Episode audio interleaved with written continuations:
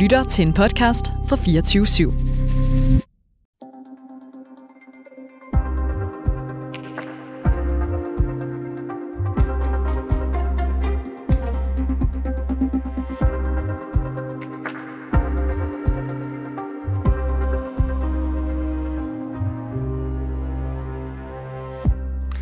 Endnu en af Fahad Tobers onkler skal nu møde i retten.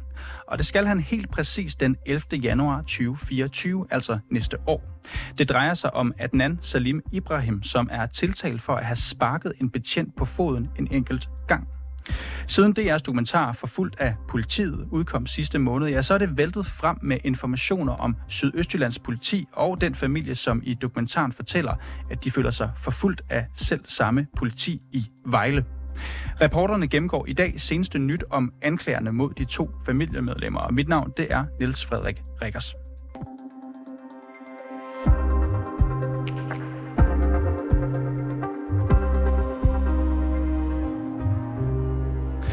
Nu kan jeg byde velkommen til dig, Toke Gripping. Du er reporter her på programmet. Velkommen til. Tak skal du have. Toge Gripping, du har de seneste uger dækket familien fra DR-dokumentaren intenst, og du har en del indsigt i den her sag efterhånden. Du har også fået agtindsigt, som det hedder, i et anklageskrift mod endnu en af Fahads onkler, altså Adnan Salim Ibrahim, som jeg nævnte her i min intro. Hvad er det helt præcis, han er tiltalt for? Hvis man skal tage det i øh, lægmandstermer og i forhold til, hvad vi øh, ved om, øh, om sagen øh, indtil videre, så er det ganske simpelt, at han har sparket en betjent på øh, foden en enkelt gang, altså på en måde, så den her betjent ligesom har, øh, har tabt et, øh, et skridt.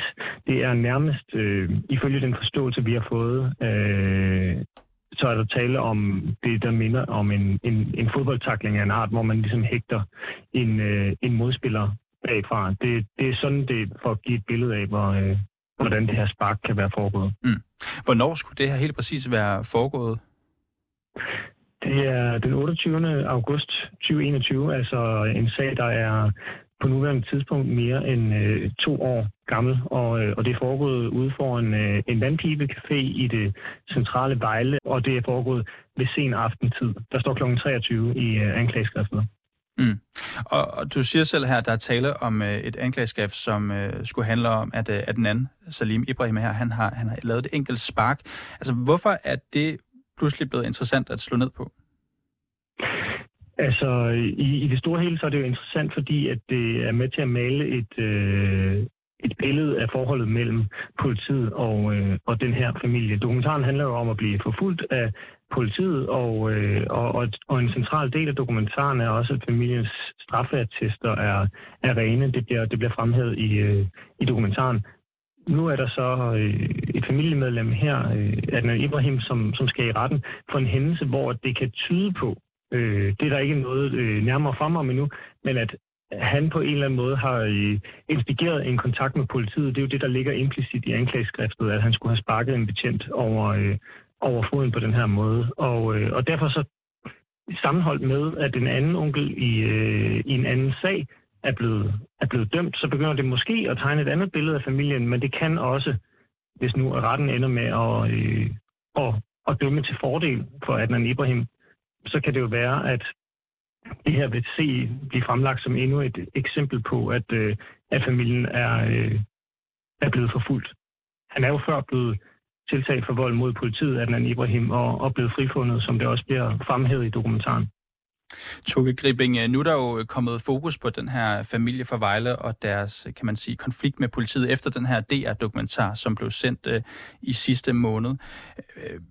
Jeg tænker lidt, øh, ved vi, hvad Adnan selv siger til den her sag? Fordi jeg ved jo også, at du, øh, du bor til daglig i Aarhus, og du har fulgt den her sag tæt, i, øh, også i Kolding Byret, som har været i forhold til Suleiman Ibrahim, som er et andet familiemedlem. Har I, er I lykkes med at tale med Adnan Ibrahim her selv, og høre, hvad han har at sige til sagen? Ikke, ikke endnu. Og øh, vi har talt med hans advokat Claus Bonnet, som siger, at han for indeværende ikke har har nogle kommentarer. Og øh, det kan være, at det ændrer sig, når vi kommer tættere på, øh, på retsmødet, men, men for nu, så var der altså ikke andre kommentarer, end at, øh, at man Ibrahim nægter sig skyldig i, øh, i det her. Det er jo også væsentligt at få, få fremhævet, at han nægter sig øh, skyldig mm. i sagen. Og nu nævnte du det her med, at det er øh, angiveligt en, øh, en betjent, en enkelt betjent, som er, er blevet sparket her. Det er i hvert fald det, som tiltalen den går på. Ved vi noget om forholdet mellem den betjent og, og Adnan Ibrahim? Lige nøjagtigt den her betjent, er, øh, der skulle være blevet sparket, er, øh, er ikke en af dem, der på den måde har en, en historie med familien. Øh, der var to betjente til gengæld til stede den aften, hvor betjenten bliver sparket, og den anden betjent er en af de betjente, som, øh, som familien har haft flere sammenstød med, og som de har fremhævet som, øh, som en af dem, de øh, føler sig udset af.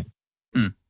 Og Toge Gribing, øh, nu snakker du om det her anklageskrift, og jeg har selvfølgelig også talt med, med advokaten, familiens advokat Claus Bonnet. Altså, ved du mere om sagen, end det, der bare står i det her relativt korte anklageskrift, som vi har lige nu?